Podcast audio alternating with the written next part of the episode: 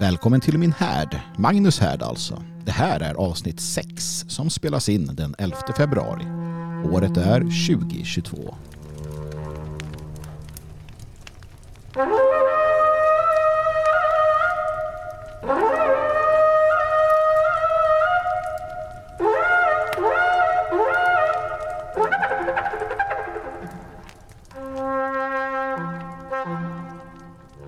Där gott folk så var vi igång också den här morgonen. Eller ja, det är morgon för mig. Va? Eh, jag vet inte om det nödvändigtvis är morgon för er när ni lyssnar på det här. Eh, det blir ju sådär när man inte är live, vilket jag uppskattar mest att vara live alltså. Det har jag varit inne på tidigare. Uh, framförallt uppskattar jag det av det skälet att uh, det är lättare. Alltså det är lättare ur det perspektivet att man, man vet när man ska komma igång. Ta bara den här morgonen. När jag har gått och dragit benen efter mig som, en, eh, som ett fruntimmer som ska på fest. Ungefär så har det sett ut. Lite kaffe där. Ska jag gå ut innan? Ska jag yoga innan? Eh, vad ska jag ha på mig? Ja, den frågan kommer ju upp. Va? Vad ska jag ha på mig när jag sitter här och sänder? Vilket i sig är knepigt. Va? Ja, men, men, men det har, sin, eh, det har sina eh, rutiga skäl och randiga orsaker. Man vill inte sända i för osköna kläder. Och, och det ska liksom, man ska vara klädd men man ska ändå liksom känna sig fri. Ja, vilket är en, en, ett, ett konststycke. Jag måste köpa ett sånt här äh, kvinnomisshandlarlinne som det kallas. sånt där nä, en nätbrynja. Det ska jag börja sända i. Ja. varför, varför inte? En annan viktig sak att göra innan man börjar sända det är att borsta tänderna. Av någon anledning så kan jag inte kan jag inte sända om jag känner mig ofräsch i truten. Det är också någon sån här respekt, eh, respekt gentemot lyssnarna. Inte för att ni vet eller bryr er. Men, men för mig så är det så. Nåväl, eh, det är dags för eh, veckans härd såklart. Och härden brinner här bakom mig. Det är varmt som FN i rummet. Korkat av mig att dra på så mycket. Nu sitter jag här och känns lite som att jag sänder från en bastu. Och det, det är inte alls så skönt. Utanför är det sådär äh, krispigt kallt i alla fall och det, det uppskattar jag. Nåväl, idag det blir lite historia eh, såklart. Eh, det blir frågor från lyssnarna. Jag fick ju massor med frågor utav er. Det var jättekul. Ehm, jag kommer inte hinna med alla. Eh, det blir lite kommentarer kring lite aktuella händelser så avslutar vi med att titta närmare på varför jag, Magnus Söderman, simpar. Eh, det kan bli intressant att, gå igenom. Eh, det blir kanske en, det blir liksom en del två av eh, det stora könskriget. Inte för att jag haft det stora könskriget, men del två av någonting som har med, med kön att göra i alla fall. Relationer och så. Alltså snarare relation. Inte så mycket med just kön rent sådär praktiskt eller teoretiskt. I alla fall inte kön på det sättet. Det eh, vore jättekonstig, jättekonstig sändning att hålla på så. Noterar ni också att jag sitter krö, krö, krökryggad och sänder. Jag brukar oftast höja upp bordet så att jag står upp, men nu sitter jag ner. Och det var dumt, för att jag, nu sitter jag som en, en gammal gumma. Ja, gör jag helt enkelt. Eller en gammal gube för den delen. Men det får gå. Jag ska sträcka på mig här under under programmets gång. Nåväl, lite historia då. Uh, år 1258, det var länge sedan, så uh, attackerar mongolerna uh, Bagdad. Och det, det, är ju vid tillfället då islams kulturella centrum. Och man gör som man brukar göra när man är mongol.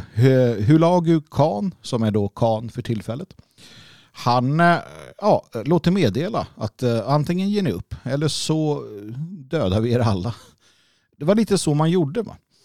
Eh, och om man, om man gav med sig så fick man hyfsat bra självbestämmande. Det drog liksom mongolerna vidare. Gjorde man inte det så dödade de alla och skövlade städerna och sådär och tog det de ville ha. Va? Och kalifen där, han, han, var inte helt, han var inte helt med på noterna så att han sa nej varpå eh, ett blodbad anställdes. Och eh, man förstörde i princip allting eh, och massakrerade invånarna, män, kvinnor och barn. Och när man läser om det här så, så, så är liksom själva tanken att man har inte ens i dessa dagar återhämtat sig från den förödelse som eh, mongolerna drog med sig. Och jag kan förstå det ja, någonstans. Va? Att, att liksom det blir, en, eh, det blir ett, ett hack i, i utvecklingen. Det blir ett hack i civilisationen eh, på grund av sådana här saker. Fascinerande, mongolriket utan tvekan. Genghis khan och grabbarna. Eh, det, det, är inte bara sådär nattsvart och våldsamt utan det fanns en hel del intressanta aspekter av detta med yttrandefrihet och åsiktsfrihet och religionsfrihet och, och så vidare. Så länge man var trogen kan, kan, så, ka, kan, kan, säger man så, kan, jag vet inte, så, så ja, fanns det ju eh, eh, även ett visst mått av civilisering där. Och krigföringen var ju naturligtvis brutal.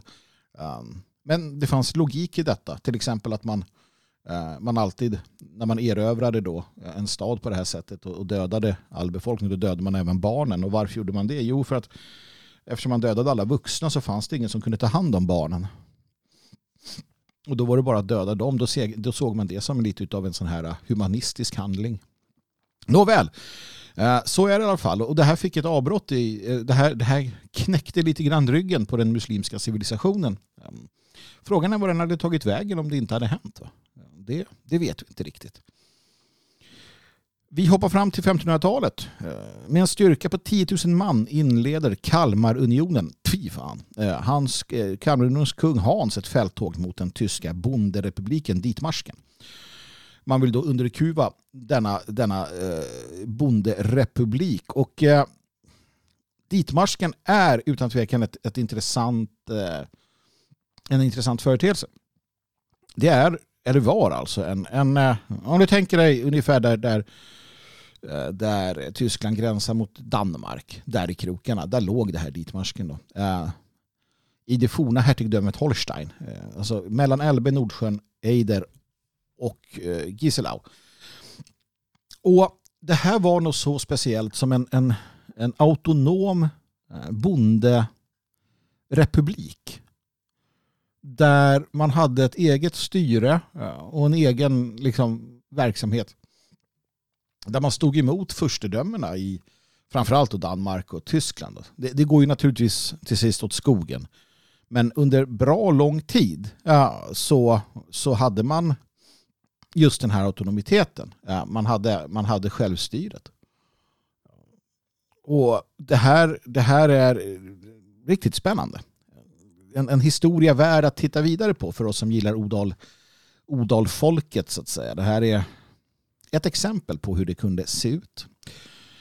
Ehm, som sagt, ehm, det här fälttåget då som Hans inleder det är ju för att han ska kuva de här eh, ditmarkiska bönderna men eh, två dagar senare så möts de i, för det, det, blir som så att danskarna, eller ja den här Kalmar Unionsen eh, truppen då, glider in i ditmarsken och man eh, ställer till med saker och ting.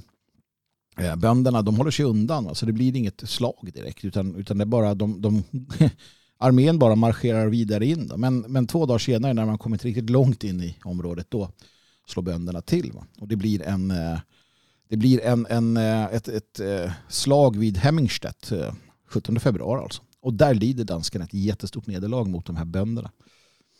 Det är ju så, när, man, när man kämpar för någonting man, man håller kärt, sin hembygd, i det här fallet då den här bonderepubliken, och sin frihet och sina möjligheter att inte stå under någon jävla eh, kung, i det här fallet då Hans, då är man beredd att offra sig och då är man beredd att kämpa på. Då brinner någonting i bröstet tror jag. Och det är väl därför detta händer. 1861 den här veckan i historien så eh, enas då eh, representanter för South Carolina, Mississippi, Florida, Alabama, Georgia, Louisiana och Texas eh, på att eh, de, de så att säga enas om att grunda eh, Amerikas konfedererade stater, Confederate States of America, CSA. Och Året senare inträder ytterligare sju stater i den här federationen och i april det året då, eh, så utbryter det amerikanska inbördeskriget mellan USA och CSA. Vi vet alla att tyvärr så vann USA eh, och det, det blev som det blev. Mycket historieförfalskningar kring det här ämnet. Eh, jag ska inte gå in på dem nu men när man läser om det, när man slår upp det så hör vi alltid att nej, men det handlade om det handlade om slaveriet, och det handlade om att de här vita, elaka, tjocka söder, i södern de ville sitta på sina plantage och ha sina vita kläder och se negerslavarna ja, bruka jorden och sådär. Det fanns väl säkert en annan sån också men, men det handlade om mycket, mycket annat. Framförallt handlade det om ja, idén om självstyre. Ja, det fanns mycket ekonomiska, mycket ekonomiska orsaker också men man vill inte ha den här eh, federala eh, staten som USA eh, Lincoln och gänget så att säga förespråkade utan man vill ha en friare och mer, mer självständighet helt enkelt. Och därav har vi detta krig. Då. Men ja, återigen då intressant, en intressant period i vår mänskliga historia. Och så 1945 då återkommer vi till varje år. Och det här är en fortsatt fruktansvärd händelse som vi bör alltid eh, komma ihåg. Vi bör också berätta om den. Det amerikanska och brittiska flygvapnet inleder ett kraftigt bombanfall mot den tyska staden Dresden. Eh, och man eh, håller på med det här fram till den 15 februari. Totalt 3500 ton brandbomber släpps över den här staden. Över resten. kulturstaden. En stad som inte hade något egentligt militärt värde. Eh, en stad dit civilister hade flytt för att söka fristad. Eh, och antalet dödsoffer eh, stiger upp till 250 000 eller fler. Och det här var en del av en strategi som Bomber Harris kallades han för, utvecklade. En brittisk eh, flygamiral tror jag han var. Eh, det var en medveten strategi. Terrorbombningar av civila mål. Bland annat så riktade man in sig på tyska arbetare i Berlin. Alltså de stadsdelar som man visste var arbetarkvarter i städerna siktade man in sig på för att man ville få till en arbetarrevolution mot, mot regimen. Och man gjorde det medvetet. Som sagt, det var en del av strategin som kallades terrorbombningar. Man, man, man siktade in sig på civilister. Det här blev ingen dömd för i Nürnberg. Och kanske med rätta ändå. Alltså så här, det fanns inga krigslagar på det sättet. Det fanns ingen överenskommelse. Vi kan ju tycka att det tillhör det sunda förnuftet eh, att man inte gör så. Vi vet till exempel att eh, Hitler förbjöd det tyska flygvapnet ehm, att, eh, att göra samma man, man, man ville inte ha terrorbombningar. Utan det är sånt där som sen kom då, titt för tätt naturligtvis. Um, utan, utan man ville ha mer eh, en krigföring som riktades in sig på, på militären. Men, men ja. Uh, Nürnbergrättegången var ett sätt att straffa förloraren ännu mer. Um, och därefter etablerade man vissa lagar och vissa förordningar och fördrag och hur man ska uppföra sig i krig. Um, och det gör man lite lagom efter att man själv har brytit mot dem allihopa. Som sagt, terrorbombningen över Dresden och släppa kärn, eh, kärnvapen över Hiroshima och Nagasaki. Alltså den, den, de, här, de här liberala fina demokratierna som bröstar upp sig över hur goda de var. Jag menar, du har terrorbombningarna och du har atombomberna. Där någonstans borde det räcka. Så här, nej, ni, ni, var inte, ni var inte den goda sidan om man nu ska göra en god ond sida. Det var ett krig, det var smutsigt och det var eländigt och det var ett brödrakrig allt väsentligt. Sånt som inte ska pågå eller ens ska, ska ske. Va? Men, men eftersom att man fortsätter än idag att skuldbelägga ena sidan så, så är det viktigt för oss det spelar ingen roll om du är nazist eller inte. Det är helt egalt. Det är på riktigt skit samma i sammanhanget. Det viktiga här är att se på sanningen och principerna. Och principen är den att om inte annat så var båda sidorna lika goda kålsupare. Och det är någonting som är värt att, för sådana som oss i alla fall, att, eh, att ta upp, att, eh, att stå för. Och sådana som oss, då menar jag människor som på riktigt inte är liksom prostituerade för PC-konsensus. Eh, Utan som, som vågar tänka själva, tänka fritt och stå på egna ben.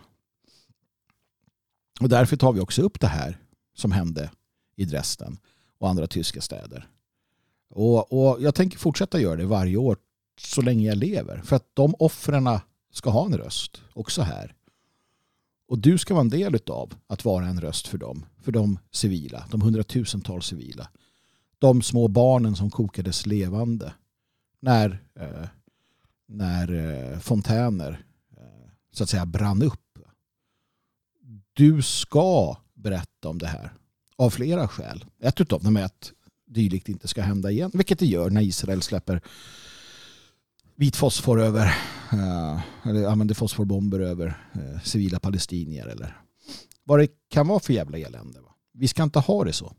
Eh, och, och, vi nationalister är utan tvekan ska vara den, den fred, rösten för fred på vår jord. Vi är fredssträvare, vi är fredsälskare. Nationalismen är fredlig. Nationalismen står för fred mellan nationerna, fred mellan folken, förståelse, ömsesidig respekt. Förstår man inte att det är det nationalism står för så förstår man ingenting. För att så här är det. Nationalisten vill sitt folks väl, vill sitt lands väl. Och folket och landet mår absolut bäst när det inte är krig. När de inte slits sönder på slagfältet av fruktansvärda vapen. När den här domedagsvapen släpps över deras städer vill man ha krig, vill man ha elände, ja då kan du inte kalla dig nationalist. Då kan du inte kalla dig en människa som älskar ditt folk. Jag vet inte vad du, vad du står efter då. Va?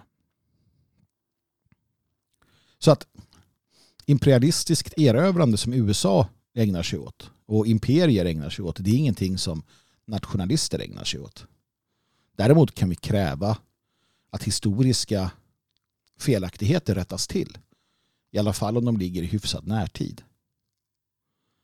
Men återigen, vi definierar nationalism för 2000-talet och för mig så handlar det definitivt om att vi är en fredsförespråkande eh, ideologi och idé.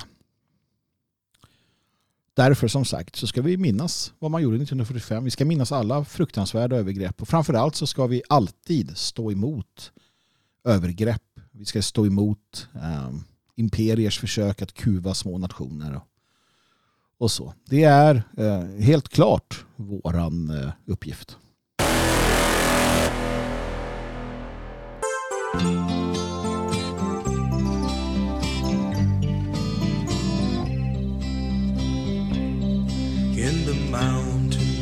Near Sandpoint, north of Naples, Idaho, eagles gathered there together to guard the truth so you might know down the road that followed Deep Creek. At the turn that crossed the bridge, federal marshals had the roadblock to mark the siege of Ruby Ridge. There the armies of the enemy slayed your bride and only son. Nearly killed your close companion when the shrapnel pierced his lung. We stand with you, Randy Weaver, cause your Lord and Savior lives. Wheresoever eagles gather, that is where his body is.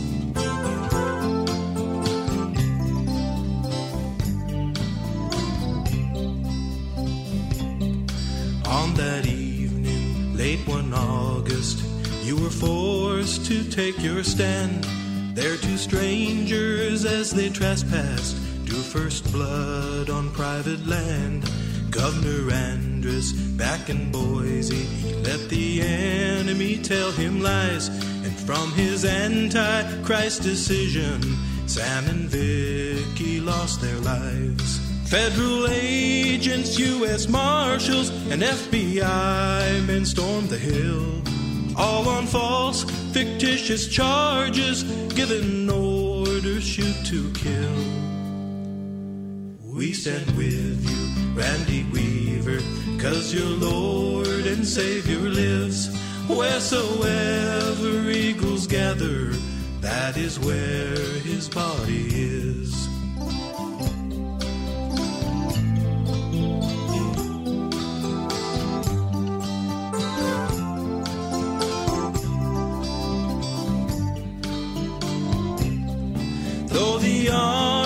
Of the enemy may surround us in the night.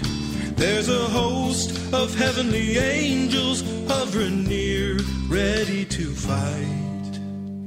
We stand with you, Randy Weaver. We are proud to call you friend as we gather here together. Stand beside you till the end.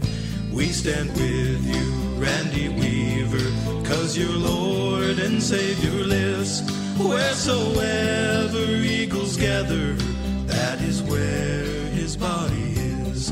Wheresoever eagles gather, that is where his body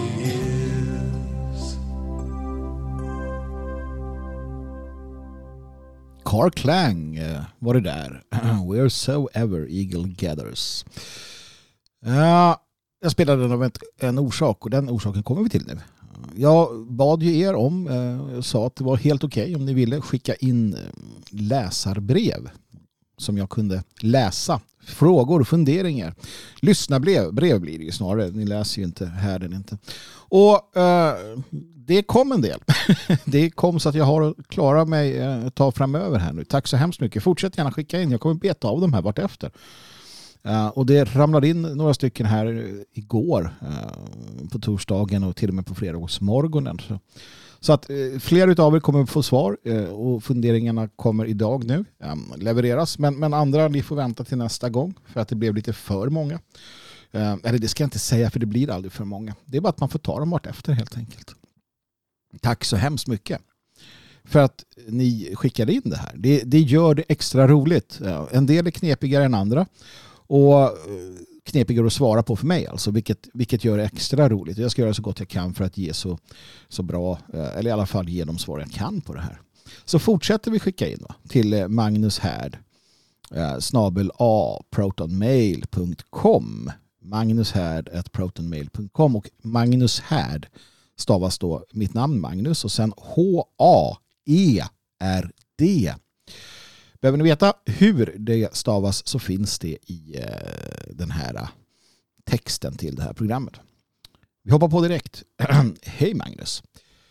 I och med din uppmaning att skicka in spörsmål till härden så kommer här ett lyssnarbrev. Min fråga till dig är om du känner till några bra böcker som beskriver händelserna vid Ruby Ridge år 1992. Uh, eh, och uh, Eh, brevskrivaren förtydligar sen att det är helst då, eh, eller att, att eh, vederbörande vill ha böcker skrivna av författare på vår sida så att säga. Jag håller också med brevskrivaren som skriver att jag tycker att den historiska händelsen inte riktigt fått den uppmärksamhet den förtjänar. Um, nej, och jag, jag håller väl med, eller snarare så här, den, den fick väldigt mycket uppmärksamhet i närtid till 1992 och efter spelet i kongressförhören och frikännanden och och så vidare. Sen, eh, sen så fick den eh, en hel del spridning fram till 2000-talet någonstans.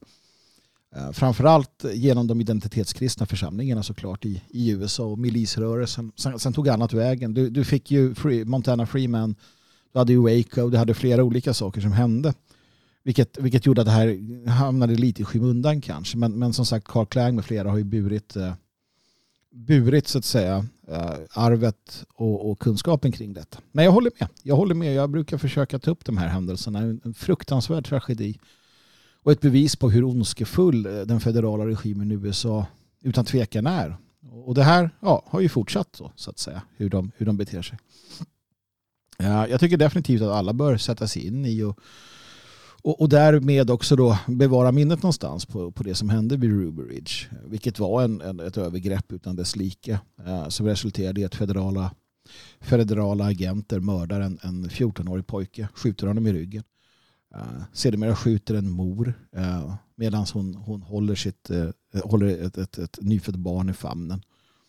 Och allt det här blir någonstans utrett sedermera till att, att eh, den federala myndigheten gjorde fel. Man införde regler för uh, rules of engagement som det, som det heter. Som gick ut på att du i princip får skjuta, uh, skjuta misstänkta uh, rakt upp och ner under den här under den här processen som pågår där federala myndigheter barrikaderar, ockuperar privat mark och det blir en så kallad standoff under en längre tid. En familj, en barnfamilj mot 400 federala agenter en fruktansvärd händelse som sagt. Böcker på ämnet finns det gott om. Eh, inte så många som så att säga skildrar det på ett rättvist sätt. Det var en massiv en massiv uh, antipropaganda mot familjen Weaver. De framställdes på de mest bizarra sätt. Det här var en helt vanlig kristen familj. Uh, ja, identitetskristen då. Uh, som ville vara för sig själva uppe i skogarna i, i norra Idaho. Och det gick inte för sig såklart. Um, och, och, som sagt, desinformationen eh, var enorm och det finns hur mycket som helst i filmer och böcker. Man, man blir äcklad eh, när man, när man inser hur de smutskastar den här eh, familjen i. Ja, både medan det sker och i efterhand. Men jag har två, två tips på böcker. Uh, och den ena köpte jag själv i, i uh, krokarna där. Uh, jag tror den gavs ut, jag sitter med den framför mig nämligen. Jag ska kolla när den kommer ut. den gavs ut 1998. Eh, den som jag har i alla fall. Och den heter The Federal Siege at Ruby Ridge av Randy och Sarah Weaver. Och det är då Randy Weaver och hans dotter Sarah som, som, var, um, som var på plats. Alltså det är de det handlar om. Så den är skriven av familjen. Eh, två överlevare av familjen Weaver i alla fall. Och den här, det här är så nära du kan komma uh, vad, vad, vad som händer. Jag vet, inte, jag vet inte hur den går att få tag på idag. Uh, men vill man veta om detta så är den värd att, definitivt värd att äh, köpa och läsa. Jag eh, jag vet att jag hade sporadisk kontakt med Sarah Weaver i samband med att jag blev ordinerad pastor i Church of Jesus Christ Christian och studerade identitets... Nu är vi alltså 97 någonstans, 96 är vi. Um, men då hade jag kontakt med henne lite kort. Det var väldigt, väldigt svårt. Hur, hur, ja, alltså, hur har man kontakt med, med en människa som har varit med om det här? Jag, jag visste aldrig riktigt hur jag skulle skriva. Hur, hur inleder man ett, ett, brev till, till någon som har varit i den här situationen? Alltså, jag beklagar sorgen. Alltså, det kändes, det var väldigt svårt måste jag säga. Um, att, att ha den relationen. Fruktansvärt på så många sätt. Uh. Men eh, ja, som sagt då. Eh, Federal Siege at Ruby Ridge av Randy och Sarah Weaver. Utan tvekan värd att eh, söka upp. Den andra boken är Ambush at Ruby Ridge. How government agents set Randy Weaver up and took his family down. Och den boken eh, är spännande. Den är skriven av människor som är jag ska inte säga att de är sympatiska till, till Randy Weavers sak, men de är sympatiska eller står upp för frihet. Och det som gör den extra speciell, eh, och den här finns som Kindle på eh, Amazon har jag sett i alla fall. Det som är extra speciellt är att min favoritförfattare när det kommer till skönlitteratur inom genren skräck slash thriller eh, Dean R. Koontz har skrivit förordet. Jag såg en diskussion som pågick om man så här, ja, vem är bäst, Dean R. Koontz eller Stephen King? För egen del är det ganska enkelt att svara på frågan, Dinar Kuntz. Saken är den att, att det finns en stor skillnad mellan de två författarna. Dinar Kuntz är en, en grunden konservativ och godhjärtad människa medan Stephen King är ett liberalt svin. Eh, och det märks tydligt i hur de skriver. Eh, uh, Dinar Kuntz har länge varit en motståndare mot den här federala uh, power grab som pågår. Han, är en, han står upp för den, den lilla människan. Han står upp för uh, de, grundläggande värderingarna. Eh, han skriver om evig kärlek och, och sånt här hur den lilla människan överkommer de stora problemen och, och, och de gör det genom att hålla ut och hålla ihop. Um, Medan Stina Kuntz bygger upp med sina böcker så bryter Stephen King ner. Så är det bara. Och som sagt, det, det säger ju någonting om en människa som, som jag läste hans förord i den här boken. Han skriver det att jag har ingenting i princip. Jag håller inte med Randy Fever om, om särskilt mycket vad det gäller religion eller ras eller liknande. Men jag skulle aldrig skjuta honom för det.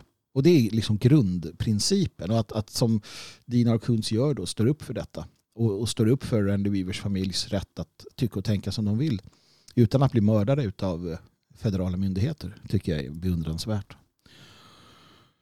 Så att den boken definitivt är Ambush Ruby Ridge How Government Agents Set Randy Weaver Up and Took His Family Down. Fråga nummer två från samma läsare är om du, alltså jag, har läst Rune Per Olofssons trilogi Kopparberget Silverdalen och Guldgruvan. Har jag icke. Men jag har tittat närmare på författaren efter att jag fick det här mejlet. Och, och, det verkar som att det är någon, någon form av svensk fölkish, sentida Fölkers-författare. Vilket intresserar mig mycket. Uh, brevskrivaren här de är inte direkt välskrivna som andra böcker i samma genre utan rekommendationen grundar sig i att dessa böcker har själ och beskriver på ett mycket träffande sätt en helt annan tid i vårt land och vilka villkor som dåtidens människor fick förhålla sig till. Och där, där känner jag som sagt att vi har en, en koppling till folklitteraturen som ligger mig mycket varmt om hjärtat. Så det här ska jag titta närmare på. Tack så mycket för det. Trevlig helg och häll passningen, skriver Marcus. Ja, häll passningen. Fråga två. Eh, hej och tack för en upplysande podd. Tack så mycket för att du eh, skriver till mig. Frågan, är det ett politiskt uppvaknande vi ser nu med tanke på den stora uppslutningen i frihetsmanifestationen i Stockholm 22 januari och kommer det att påverka valet 2022? undrar Roger. Det vet man ju inte va? Men någonstans så, så här. Det vart ju, det vart ju splittringar och bråk eh, såg jag nu bara en kort tid efter den här frihetsmanifestationen. Um, problem med eh, försök till att, eh, som jag förstod det, eh, kuppa, kuppa, kuppa hela, hela grejen från en klick inom oppositionen som har ägnat sig åt dylikt i, inte vet jag, 25 år nu. Och som alltid kommer tillbaka in i värmen om huldas och lyfts upp och lyfts fram. Sorgligt i sig. Sorgligt i sig där gick nog lite grann, um, där det ut lite grann helt enkelt. För att det ska alltid, alltid bli så, verkar det som. Men fortfarande så var det ett, ett avtryck som gjordes, själva demonstrationen. Jag tror många tog med sig någonting därifrån. Om vi struntar i de realpolitiska konsekvenserna. Nu när Sverige har släppt på i princip allt så blir det svårt att demonstrera mot covidpass. Så att säga. Men jag tror att rent personligt för många så var det en lite av en Rubicon. Eh, lite av en, en sån här point of no return. Jag åkte dit, jag gjorde det här. Jag var en del av en, en proteströrelse. Det där sätter sina spår. Kanske inte på en gång. Men, men om, alltså det, det bär, du bär med dig det, du odlar det. Du, du har den där känslan. Vilket gör att du nästa gång det behövs kommer kunna, alltså det, det är mycket enklare för dig att uh, ta del i protester framöver. Så jag tror att definitivt att det här hade det här har en, en, en metapolitisk eh, påverkan på djupet i Sverige. Det tror jag absolut. Kommer det påverka valet? Svårt att veta. Uh, det här det blir ju ingen politisk fråga. Så det här var ju väldigt många olika typer av människor som samlades kring en fråga, just det här med vaccinen och så. Uh, och det kommer inte vara så politiskt i valtider så hur kommer det påverka? Jag, jag vet faktiskt inte. Uh, jag ser nog inte att, att det påverkar så där vansinnigt mycket faktiskt. Jag tror inte det. Men det återstår att se helt enkelt. Uh, gör det. Nåväl. Nästa. Uh, Hej, lyssnade med stort nöje på ditt senaste avsnitt av Magnus Härd om ebola, folklig magi och så vidare. Känner du till den danska mystikern Martinus? Kanske har du redan talat om honom i något poddavsnitt. Det är ju i alla fall nordisk andlighet. Har inte pratat om Martinus, har inte läst så mycket Martinus. Eh, känner till Martinus definitivt. Min morfar, salig åminnelse, hade en, en, en väldans massa äh, om, eller av Martinus. Det, det, vill jag minnas. Och min mor har nog en del böcker om, eller av då honom också. Men jag, jag har inte tittat närmare på honom. Jag vet att han är, eh, var inspirerad av teosofin. Ehm, vilket de flesta mystiker i slutet av 1800-talet, början på 1900-talet på ett eller annat sätt är. Eh, och det är inget fel med det. Men nej, jag har inte tittat närmare på det. Men, men eh, jag, jag, har tänkt göra det för att det intresserar mig helt enkelt. Ehm, jag har köpt lite annan litteratur, olika sådana här framträdande um, 1900-tals um, esoteriker i Europa. Och han tillhör definitivt en av dem. Det, det jag gillar med Martinus, när jag bara tittar snabbt på det, det är att han, han uttryckligen, uh, uttryckligen krävde att, sa att det får absolut inte finnas efter min död någon form av organisering kring min filosofi. Va? Det får inte uppstå några sekter med tolkningsföreträde och så vidare utan allting ska vara liksom öppet och, och så. Det där, det där uppskattar jag. Det visar på någon form av ärlighet och, och eh, grundläggande välvilja. Va? Mycket knepigare när det, när det resoneras på andra sätt. Helt klart.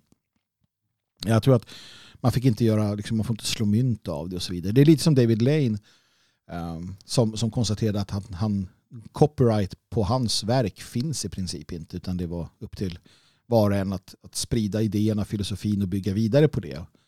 Och ja, i, i, den, i den meningen att det är inte människan och människan bakom som är viktig utan det är vad som sägs och vad som görs.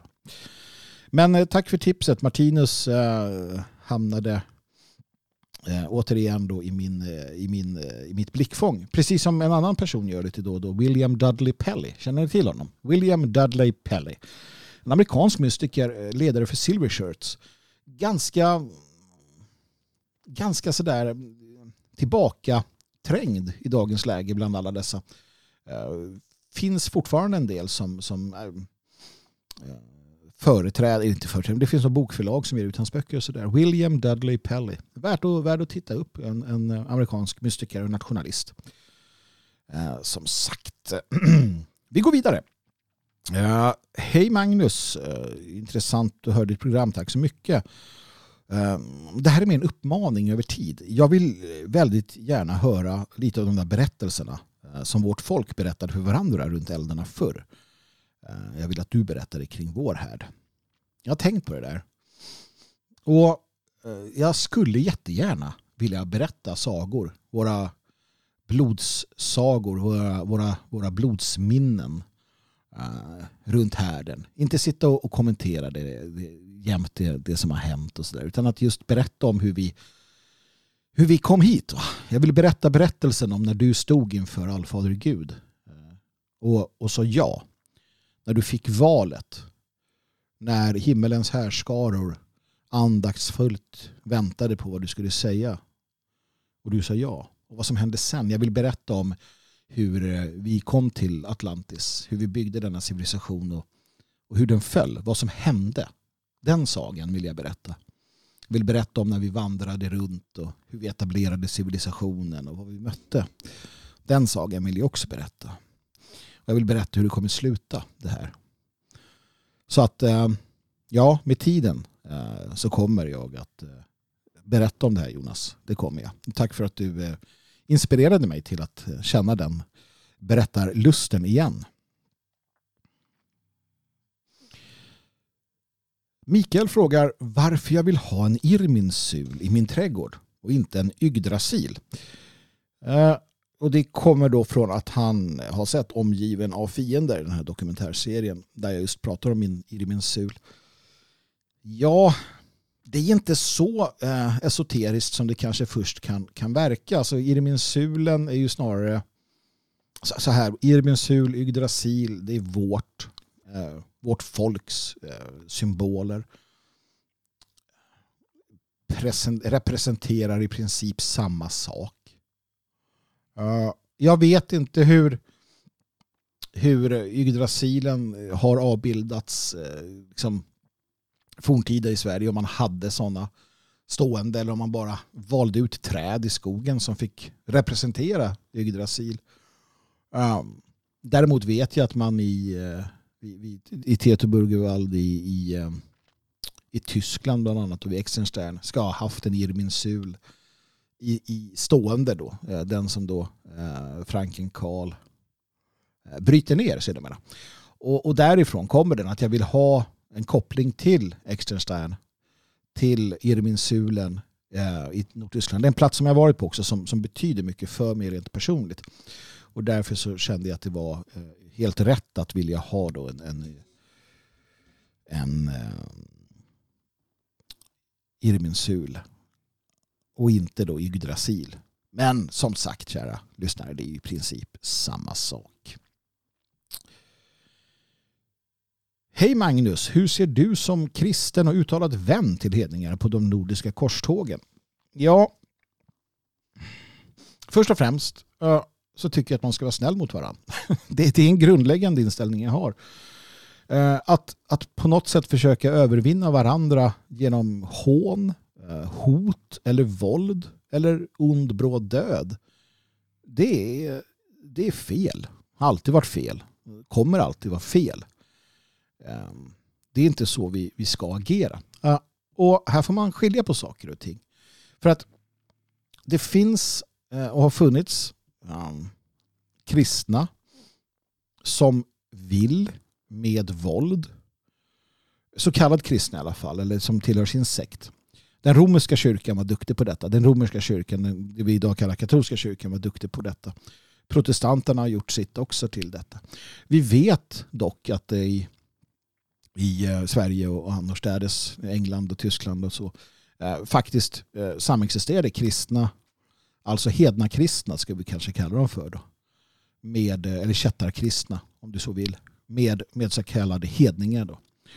Um, innan den katolska kyrkan så att säga eh, fick luft under vingarna och påbörjade sina korståg. Jag tar så att säga som, som jag anser mig själv vara hednakristen, kristen, skytisk kristen, vad du nu vill. Va? Eh, så att jag känner inte någon, någon direkt samhörighet med de, de där som, som anställde eh, blodiga korståg och liknande. Vare sig det var åt det ena eller andra hållet. Jag vet att den tyska orden och sådär var inne i Eh, var inne i Baltikum och härjade och Polen och så. Och det, det, det, det, det har ju, det har ju, som sagt, det är ingenting jag tycker var särskilt bra. Eh, så sett. Lika lite som jag tycker det var bra att eh, hedningar av olika slag slog ihjäl varandra. För det ska vi också komma ihåg. Det, det blir ofta en fråga om att kristna mot hedningar någonstans i, i, i vår historia. Och det har ju funnits, absolut. Men hedningar mot hedningar av olika eh, skäl har ju också funnits. Um, man skulle ju kunna titta på Willy Gutt och, och liknande och deras idéer om att eh, armanister och botanister eh, hade blodiga eh, fejder med varandra. Ja, så vidare. Vi, vi, ska, vi ska undvika sånt där. Sen om man tittar på det på ett, något större överperspektiv så jag vet Richard Scutari skrev till mig en gång att, att eh, det, det, är inte hela världen eh, att kämparna möts på Idavallen och slår ihjäl varandra. Eh, lite grann sådär eh, på skoj. I, i, ett, I en värld där, den vita, där de vita folken är säkra. Alltså när vi inte har ett, ett existentiellt hot eh, mot oss så, så kan det finnas en, en rimlighet, menar vissa, att, att det blir liksom fejder. För att det håller någonstans folket eh, friskt. Jag, jag, vet inte. Jag, jag är ganska sådär jag är för att det ska vara fredligt. Jag, jag, jag, gillar att man samtalar och bråkar på det sättet. Men, och visst, det kan vara kul med ett nappatag ibland. Det kan vara kul med ett slagsmål. Man kan bli arg på varandra och slå varandra på käften och sådär. Men när det kommer till, eh, när det kommer till eh, eh, liksom regelrätta ond bråd död så nej, det, det, är inte, det är väl inte att föredra kanske. Och är det några som har drabbats illa av den romerska kyrkans härningar så är det ju just de hedna kristna. Um, det finns de som hävdar, vi pratade om Irminsul tidigare, och det finns ju en del, eller det finns ganska mycket som tyder på att uh, det som hände vid Exenstern, till exempel när, när uh, saxarmördaren, uh, saxardräparen Franken Karl uh, attackerar, att det, det, var inte, det var inte hedningar på det sättet, utan det var hedna kristna som man gav sig på, att Irminsulen då är en hedna kristen symbol. Du har, eh, du har korstågen mot, eh, mot eh, i mot eh, katarerna som, som bar vidare traditionen. Ehm, och du har liksom utrensningen av åtskilliga åtskilliga kätterska samfund och, och, och, rörelser som den katolska kyrkan har drivit och sen då den protestantiska. Och nej, jag är ingen, ingen vän av detta. Jag tror definitivt inte att det är så man ska Eh, Eh, sprida evangelium. Ja, helt enkelt. Så att, eh, nej, sånt är bara dumt tycker jag. Eh. Men tack för frågan. Vita Korpen fick jag möjligheten här att, att, att prata om det. Sven och Kai med flera, jag svarar på era mejl vad det kom, vad det lider. Mm, jag, jag får nöja mig den här gången helt enkelt och tackar så mycket för att ni hörde av er. Och som sagt, eh, skriv gärna mer. Eh, fråga om allt från himmel och jord. Och jag, jag kan hjälpa er med allting. jag kan svara på allting.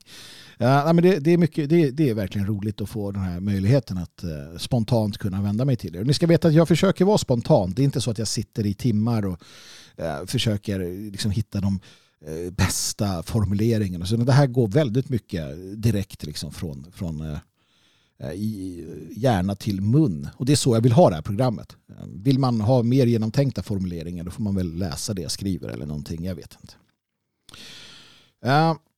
tack också Karl för de här vänliga orden du skickade. Eh, och eh, tack för din musiksmak som uppenbarligen är ungefär som min.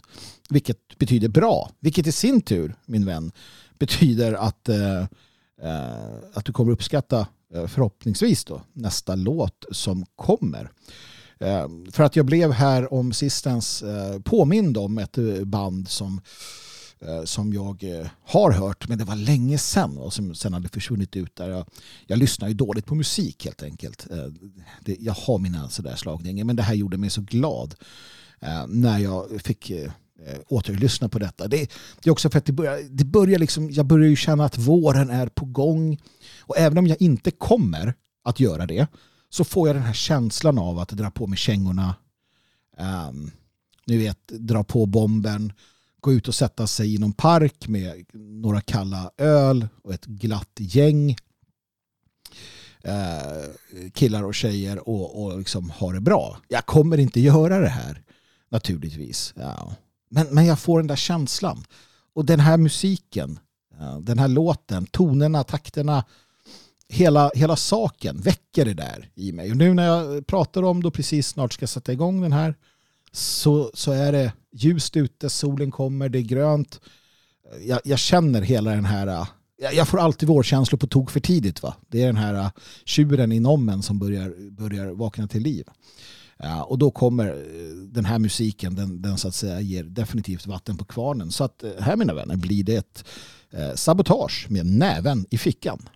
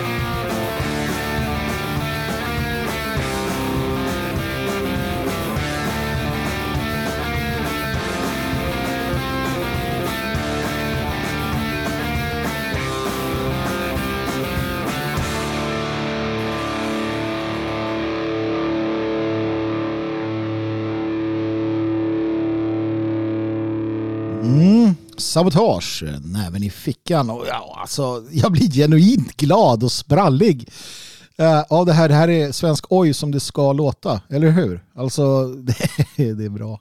Gud vad glad jag blir. Uh, som sagt, det kanske blir på med kängorna. Ja, på med. Man skulle ju kunna vara lite mer så här eh, uh, väldresserad, ska vara fel ord. Välfriserad. Väl eh, välklädd skinhead nu när man har blivit äldre. Kanske man kan få det där att fungera i alla fall. Jag vet inte varför jag hamnar där hela tiden. Det är ju världens bästa subkultur. Det är ju bara så. Eh, jag inser ju det ju mer jag tänker på det. Men man kanske skulle skippa bomben och köra Harrington eller någonting. Bli lite mer sådär. Jag, jag tror att jag skulle kunna bära upp det. Vad tror ni? Ska jag bli skinhead igen eller inte? det, är den stora frågan. Det är den, det är den frågan jag dras med hela tiden. Eh, tack till Peter, tack till Roger, kardinalen, Thomas och Kristoffer. Ni har alla eh, donerat en slant till eh, Magnus Härd genom att skriva Magnus Härd när ni då skickar in på Swish 123 510 5762. 123 510 5762. Fortsätt gärna med det för då kan jag till exempel Ehm, motivera varför jag ska ha ett helt program om svensk oj och eh, ta mer på en, eh, med på en konsert. Tänk vad sjukt om jag skulle dra på en skinhead-konsert och, och göra ett, ett ninja-reportage igen. Det vore någonting. Vi får se vad, vad som händer. Uh. Lite kommentarer bara. Jag måste ändå gå in på det här med partiet Nyans och, och Sverigevännerna. Jag, jag vet att jag pratade om det här tidigare. Och det, det, det, exploderade ju verkligen. Det exploderade ju verkligen hur arga människor var. Uh, och jag såg till exempel hur Nyans då uh, släppte en, uh, släppte en punkt, eh, alltså så här, vad de, vad de är ute efter. Det här är i samband med att svenska regeringen då genom sociala myndigheter kidnappar muslimska barn. För så är det. Svenska, kom ihåg nu, var med och, och, och, berätta om detta. Det är ett övergrepp som sker uppenbarligen. Jag har precis blivit förstådd, införstådd med detta bland annat partiet Nyans med flera då, eh, muslimska organisationer som, som vittnar om hur sociala myndigheter kidnappar muslimska barn och försöker göra dem till kristna. Eh, det här måste vi alla eh, hjälpa till att, att, att uppmärksamma världen på. Och, och då förklarar det att som muslim så är det ingen bra idé att komma hit. Och är du muslim och bor här då bör du flytta till ditt hemland där du kan vara muslim i fred. För här verkar sociala myndigheter alltså kidnappa muslimers barn. Ja, och, och Padinian skriver om det här då och sen så har man en, en, eh, en kravlista eh, där man vill att man ska rättssäkra processer och LVU och så vidare. och så vidare. Men den sista här på den här listan som jag hittade då står det så här, barn som tillhör annan kultur eller religion ska garanteras en uppfostran i enlighet med hens jävla radikala muslimer det här var med hens ursprungliga kultur och religion hos det placerade familjehemmet för att förebygga eventuell assimilering. Alltså, partiet Nyans vill inte att eh, muslimer, barn äh, eller andra säkert då, ska, ska assimileras, ska bli svenskar i Sverige. Mm. Och, och, då ser jag hur, hur eh, en tweet med, den här, eh, med en bild på det här programmet och de här punkterna kommer så står det Hjälp oss från detta helvete. Står det.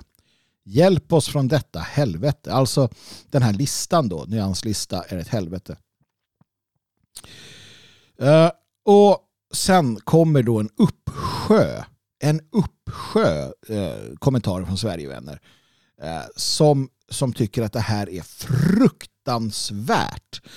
Det här var något av det mest rasistiska jag läst, skulle fördömas. Um, det här är bla bla bla. Alltså, Sverigevännerna är skitarga. De är så arga. Sista punkten är talande. Visa vad de vill. Inget svenskt får påverka deras barn. De ska skyddas från den kultur som man har flyttat till. Ja, alltså det här blir ju tröttsamt va. Men, men det som är tydligt är att Sverigesarna, för nu använder jag det, den beteckningen på dem, de är verkligen så här att, att eh, okej, okay, vi kan ha vi kan ha uh, massinvandring, vi kan ha mångkultur, uh, vi kan på alla uh, sätt och vis ha allt det här. så länge de inte är muslimer. Man bryr sig verkligen inte, man förstår inte etnicitet, man förstår inte de grundläggande fundamentala principerna av, av folkutbytet. Utan man vill bara inte ha muslimer. Det är det enda. Det är ta mig fan det enda. För att de får jättegärna komma hit. Ja, de får jättegärna komma hit menar man. Och, och ja, så länge de då inte är eh, muslimer. Då. Och jag blir, jag blir så ledsen och jag blir så trött eh, på det här. För att det, det, det ja, ni förstår varför. Jag behöver kanske inte fortsätta. Va? Um, men det jag vill ha sagt det är att återigen då, partiet Nyans, um, det är bra för oss. Det är bra för oss. Det är också bra för oss att de inte vill assimilering. Det är bra för oss när muslimer och andra utlänningar i Sverige vill behålla sina seder och bruk. Det är bra för Sverige och svenskarna. Det är bra för det fria Sverige. För fria svenskar. Det är äckel-liberaler och liknande pack som vill ha folkutbyte, kultur och, och folkblandning. De vill blanda upp alla till oigenkännlighet. De vill bryta ner alla religioner, alla traditioner till förmån för sina galna mångkulturalistiska, materialistiska ideologier. Det här måste ju vi vara motståndare till. Det förstår ni väl? Va? Ja, det gör ni. Ni lyssnar ju på det här. Va? Men det blir skrämmande sorgligt när man förstår hur djupt förvirrade eh, de så kallade Sverigevännerna är. Men vi får göra vad vi kan. Ja, återigen, vi ska, inte, vi ska kanske inte vara för hårda, men vi måste våga säga vad vi tycker. Vi måste vara tydliga med detta. Vi måste föra den etnonationalistiska eh, principen stenhårt. Eh, för att det enda sättet att komma åt det här det är ju att, att, att hela tiden utmana och informera och förklara.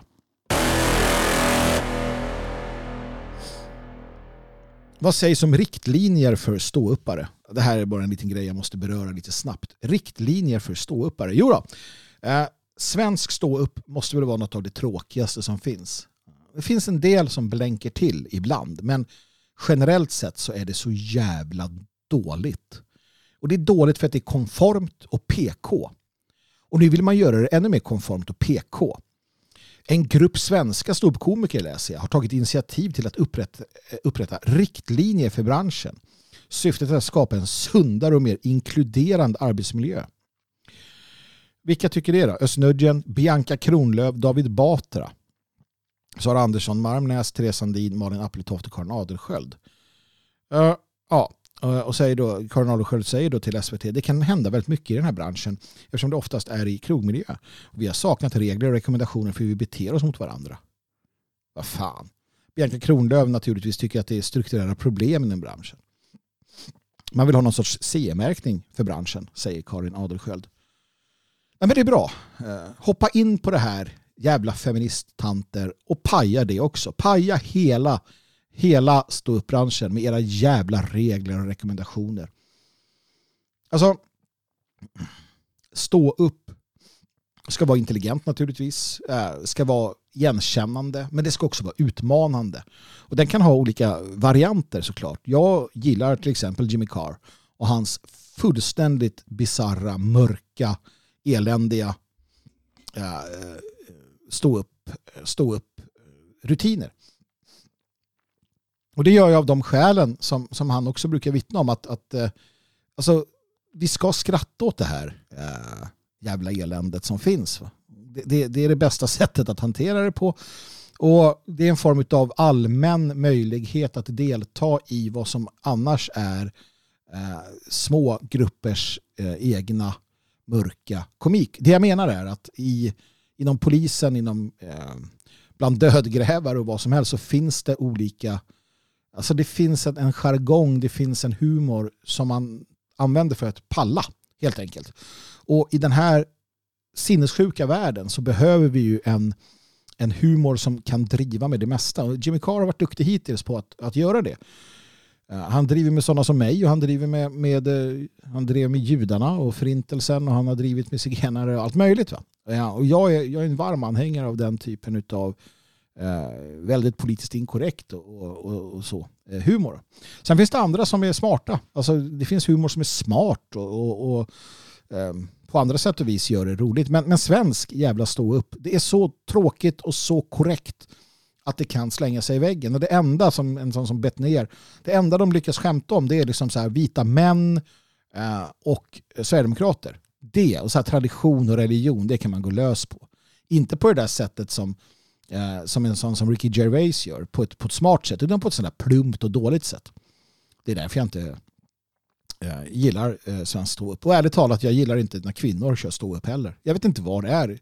Osexigt, eh, dåligt. Jag, jag, jag, tycker inte att det är bra bara. Jag, jag vet inte. Ni, ni, kanske tycker annorlunda, det får ni väl göra, men ni tycker ju fel uppenbarligen. Uh, det ska vara Bab, Babben Larsson som har dragit några roliga vitsar och sådär.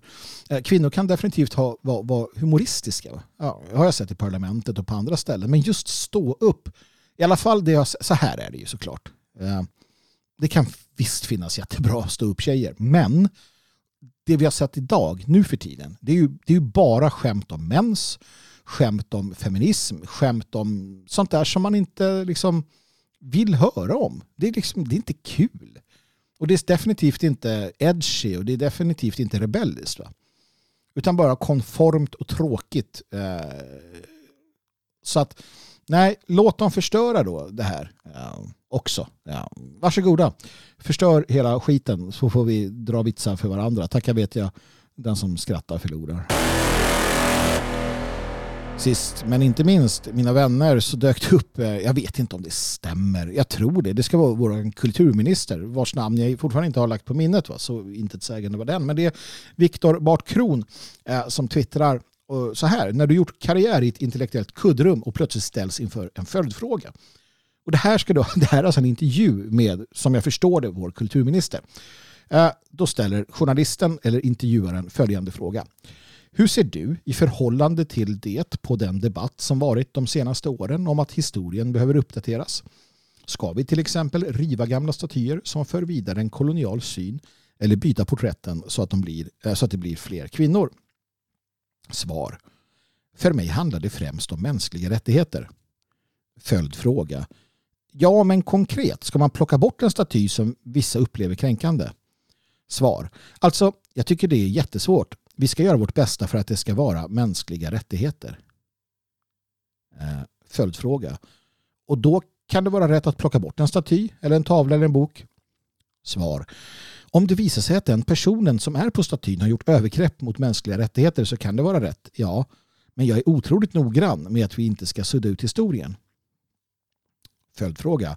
Men är det då rätt att plocka bort den? Svar. Jag tror inte att det finns ett rätt svar på det. Men mänskliga rättigheter är för mig jätteviktigt. Slut. Alltså, vad fan är detta för snömos? Va? Vad är det för jävla dårskap jag lever i? Varje dag när jag vaknar så inser jag återigen att det inte är en ond dröm och att ja, patienten har tagit över dårhuset och att världen är ett dårhus. Det här är alltså, som jag förstår, en minister eh, på hög nivå som inte kan artikulera ett svar, inte kan formulera en, idé, inte kan försvara det människan. Vad tror den här människan på mänskliga rättigheter? Vad fan innebär det? Det vet ju inte den här ens själv. Alltså, de kommer undan med att slänga ur sig floskler. Papegoja. Det, det, det, det, är vad de gör. Va? Det finns ingen substans. Det finns ingen grund. Det finns ingenting. Och hur möter man det? det, det lite grann ärligt talat är det som att slåss med, med rök. Testa det någon gång. Ställ dig och försök att nedkämpa röken. Var det, den glider undan. Den, den liksom bara flyter runt. Du kan inte få grepp om den. Men det är samma sak här. Du kan inte få grepp om människor som tycker att, att man kan svara på det här sättet. Det är därför politiken är så tråkig. Allt, eh, allt handlar om, om sånt här. Snömos. Helt enkelt. Jag vet inte vad man ska göra åt det. Jag vet bara att det är så vansinnigt fördummande. Så vansinnigt fördummande på, på alla på alla sätt och vis. Nej, hörni, jag tycker att vi eh, ger oss om detta. Ja, jag är inte särskilt sugen på att kommentera saker som har hänt den här veckan. Utan jag vill gå, gå in på, på, på det här sista ämnet för dagen. Det här om att jag simpar. Eh, Magnus är en simp. Varför simpar Magnus? Frågetecken. Det skulle kunna bli ett bra, eh, bra program. När jag sitter och ser lite ledsen ut och simpar. Ja, kära lyssnare, om du inte vet vad simpning är för någonting så håller jag inte det emot dig. Jag var nämligen tvungen själv att, att uh, ta reda på det. Uh, eftersom jag blev anklagad för det. Och, och, det väckte en hel del funderingar och, och tankar och, och sådär. Va? Uh. Och ni som vet vad det är kanske tycker att det bara är dumt. Ja, jag, jag börjar... Ja, men jag ska, jag ska ta det här. Men innan jag tar det här, innan vi går in på detta så blir det en, en uh, musikpaus till. Och den här gången så blir det riktigt bra igen såklart. Det är Torsfrede av Victoria. Och introt här måste jag säga att jag personligen tycker är uh, uh, väldigt, väldigt bra av olika skäl. Så vi kör lite Torsfrede så pratar vi om Magnus simpning efter.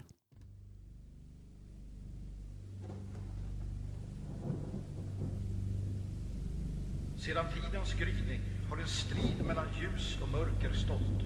Våra förfäder fäktade väl och höll den evige stången.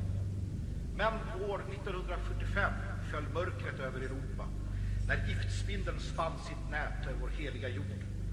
Sakta gick vi och tysta mot avgrunden. De trodde att vi var brutna. De trodde att vi gett upp. De trodde att vi, likt en strykrädd hund, skulle krypa inför dem och gny. De trodde fel. Hör! Från gånggriften, röset och högen på fältet.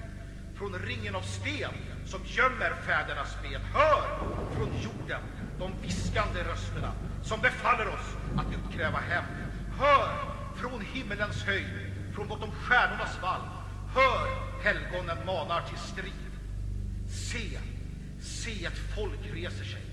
Vårt folk. Nu är tiden att våga allt. Nu är tiden att offra. Vi står inte ensamma. Så låt oss bryta ner fiendens elfenbenstorn. Låt oss krossa dem under våra hälar. Vart finner vi dig? Långt fram eller släntrande bak efter?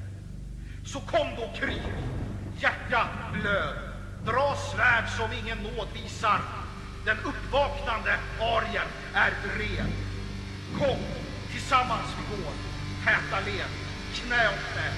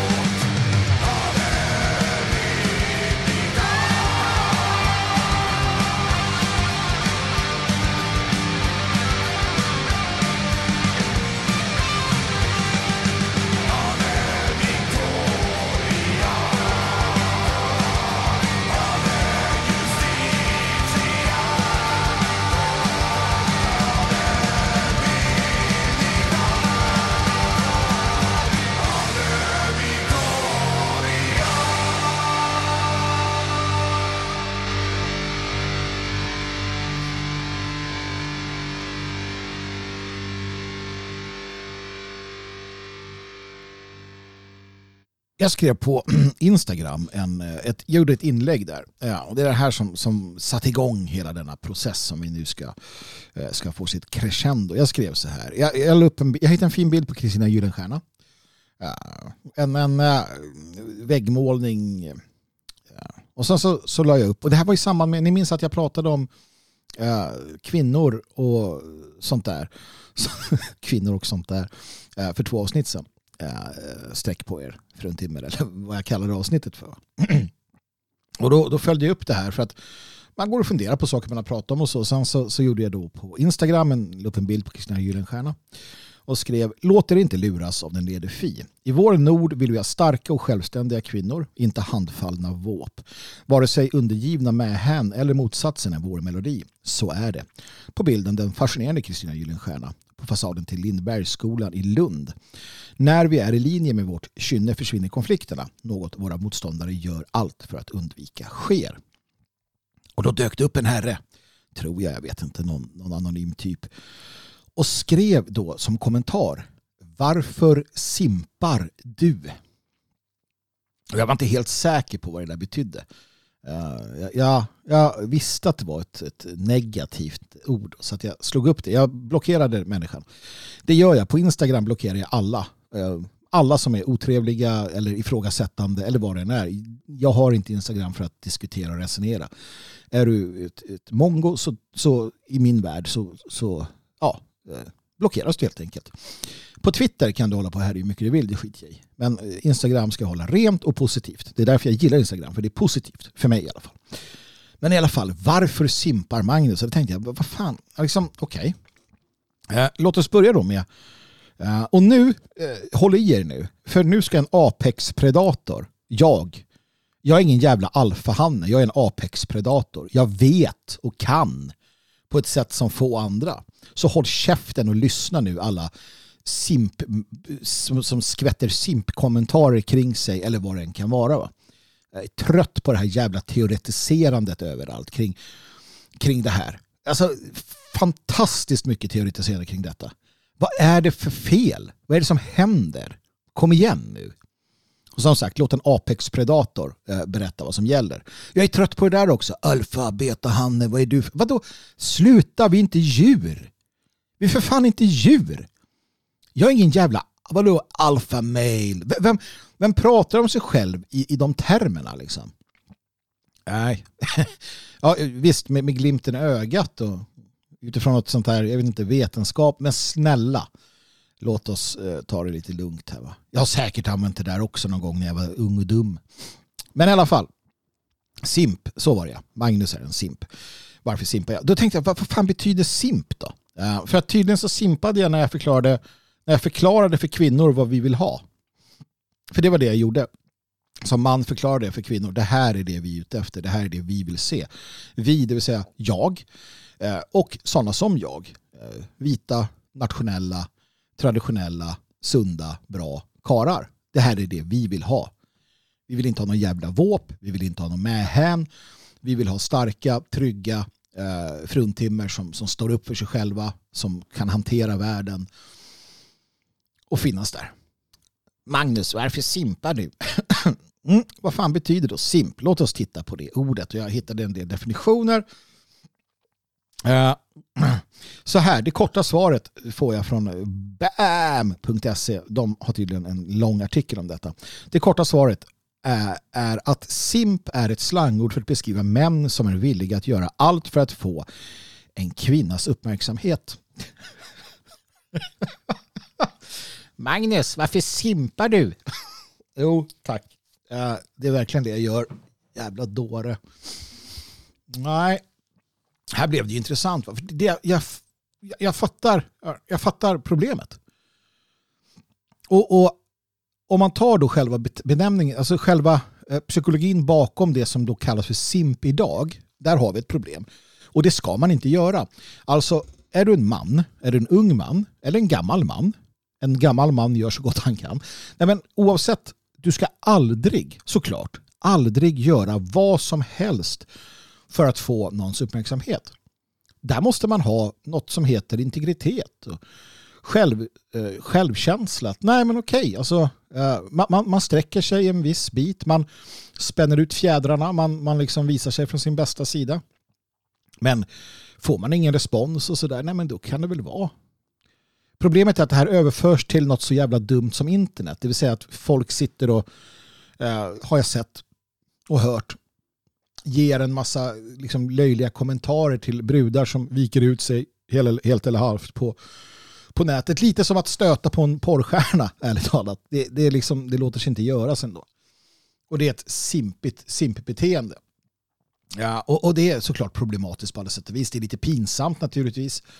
Om man ja, eh, sitter och så här, gillar, gillar, gillar en, eh, någon som uppenbart är en kvinna då. Och jag, jag pratar man, kvinna, jag pratar utifrån mitt perspektiv. Som, som uppenbart bara söker, uh, söker uppmärksamhet genom sina fysiska uh, talanger.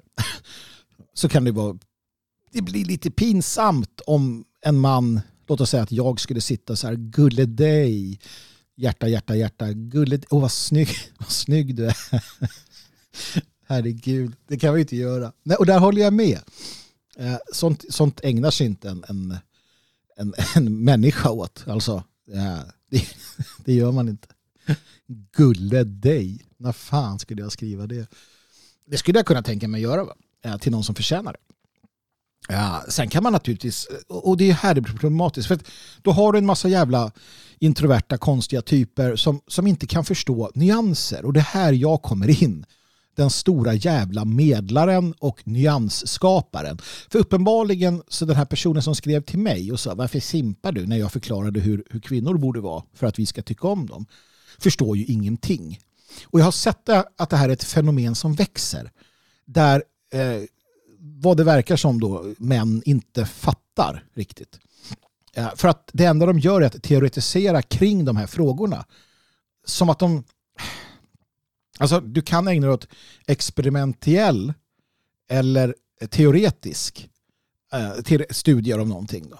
Och här har vi människor som inte gör annat än att läsa om, om hur det ska vara och hur du ska vara. Men de går fan aldrig ut och träffar den. Man får för sig att de aldrig har träffat fruntimmer i sitt liv. Utan de sitter bara och, och så, här, så här ska det vara.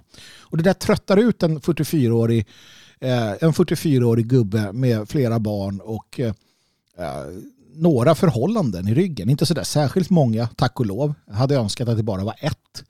Eh, jag är den där typen som tycker det är en bra idé.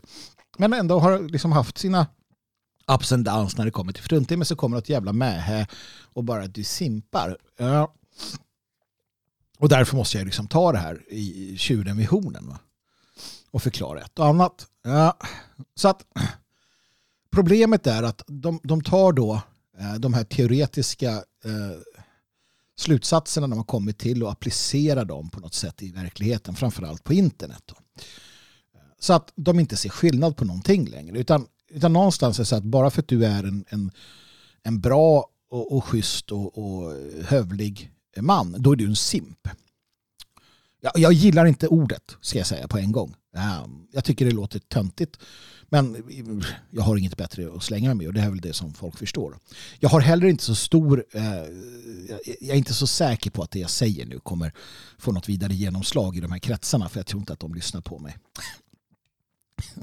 Men i alla fall, jag har fyllt lov för det. Eh, och någonstans så måste man liksom försöka med de medel man har att att gå emot alla dårskap och det här är dårskap. Så om, om, om man gillar, låt oss säga på Twitter, en, en, man följer flera konton och du har till exempel en tjej där som skriver bra saker och ser bra ut och lägger upp en bild på sig själv och är snygg. Man gillar den och säger ja men där såg du trevlig ut och sen så gillar man annat. Och så. Det är inte att simpa din dumma fan. Att, att, att vara schysst mot, att visa respekt för tjejer, att ge tjejer eh, komplimanger, både för hur de ser ut och för vad de säger eller gör, det är inte att simpa. Kan, kan du, och jag pratar till dig som, det, förstår du inte det? Jag tycker synd om dig va? Jag tycker synd om dig om du inte förstår det. För att du kommer ha väldigt svårt med relationer och, och tjejer.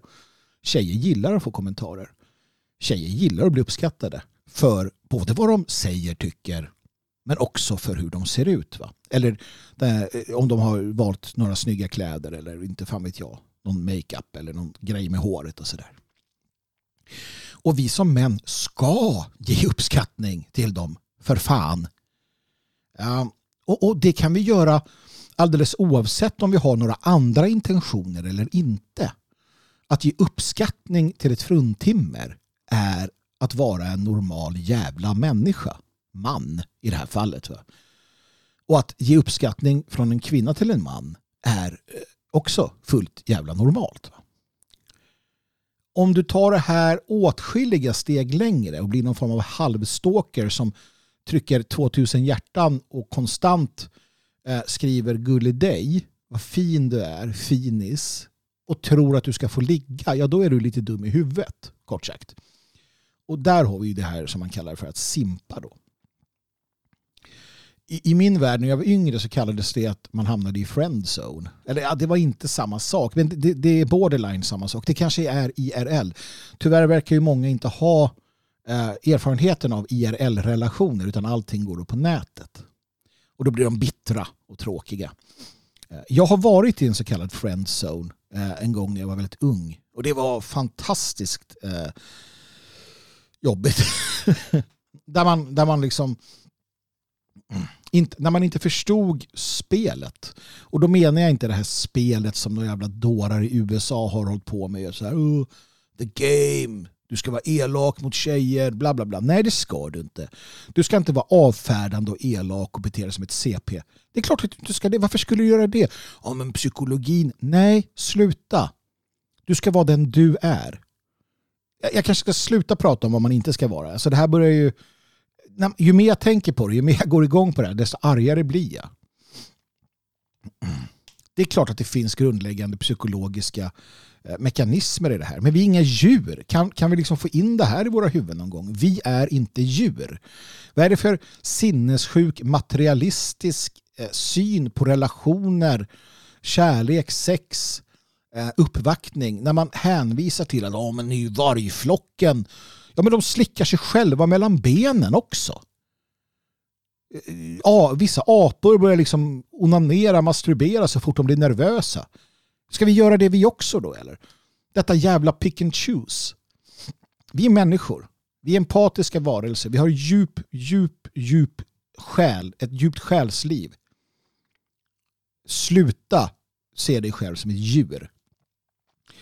Eh, I alla fall i de här sammanhangen. Och är du inte liksom eh, intelligent nog så ska du inte ens tänka på, på de här sakerna. Alltså så här. Det är inte så svårt. Var dig själv. Det, det är det första. Va? Var dig själv och var nöjd med den du är. I den bemärkelsen att du är den du är just nu och du kan alltid sträva efter att bli bättre. Men du kan inte sträva efter att bli någon annan. Är du en alfa eller beta? Eller? Skit på dig! Vad är det för dumheter? Tänk inte så. Tänk så här, jag är den jag är. Jag har de intressen jag har. Jag ser ut som jag gör. Och jag vill bli bättre. Jag vill bli bättre för min egen skull. Jag vill bli mer vältränad. Eller jag vill eh, lära mig dans. Eller jag vill eh, kunna skjuta bättre. Eller jag vill kunna slåss bättre. Eller vad det än är. Du strävar efter det för din egen skull. I relationer med andra så beter du dig som folk. Du är trevlig, du är snäll, du är öppen. Eh, det är bra att satsa på att vara mer öppen. Det är bra att satsa på att, som jag gjorde en period i mitt liv där jag bestämde för att nej men Magnus, du ska vara lite mer på. Eh, I den bemärkelsen att ser du något du gillar, säg det. Var schysst, extra schysst. Och det, det hände sig så. Min optiker minns jag i, i, i Kallhälls centrum, eller Jakobsbergs centrum. Jag minns att jag tyckte att hon var väldigt söt en dag när jag var där. Hon skulle fixa något med ögonen. Och då sa jag det, du är väldigt söt idag. Det var inte mer med det. Hon blev jätteglad. Uh, och det är inte att simpa, så här snälla, snälla kära du eh, som, som läser alla de här dumma teoretiska eh, liksom, modellerna. Det är inte fel. Okej? Okay? Och, och, om någon sån där jävla tönt tycker att du är en simp, ja men låt han tycka det då. Du är i alla fall den som, som eh, eh får eh, kvinnors, kvinnors kinder att bli blomsterröda. Va? Vem bryr sig liksom? För att vara som schyssta, var schyssta mot varandra. Var intresserade av varandra. Någonstans så, David Lanes Sex and Women är bra om man nu vill läsa om det här. Och visst det finns sådana här grundläggande saker. Låt dig inte tämjas av din kvinna. Eh, hon kommer försöka tämja dig, hon kommer försöka få dig till att bli mer och mer som hon vill ha det. Och delvis måste du tillåta det, annars kommer hon lämna dig. Eh, du kommer försöka tämja henne lite grann och, och hon kommer vara tvungen att, att kompromissa. Men gå inte för långt, ingen utav er. Bli inte underkuvad den andra. Och det är det jag säger. Vi germanska män, vi klarar inte av kvinnor som underkuvar sig, som, som lägger sig som hunden och visar strupen. Fy fan vad osexigt och tråkigt. Vi vill ha kvinnor som är eldiga, som, som säger ifrån, men som finns där. Alltså, det har blivit så konstigt allting. Det är sådana vi är. Eh, och att, att förklara det, det är inte att simpa. Snarare, fan i mig, är det svårare att hitta fruntimmer om du är så då, nu för tiden kanske. Jag vet inte. Så att det finns naturligtvis en, en psykologi bakom detta. Men skit i den. Ärligt talat, skit i den. Var dig själv. Det är det första. Var dig själv, för då kan du alltid stå för dig.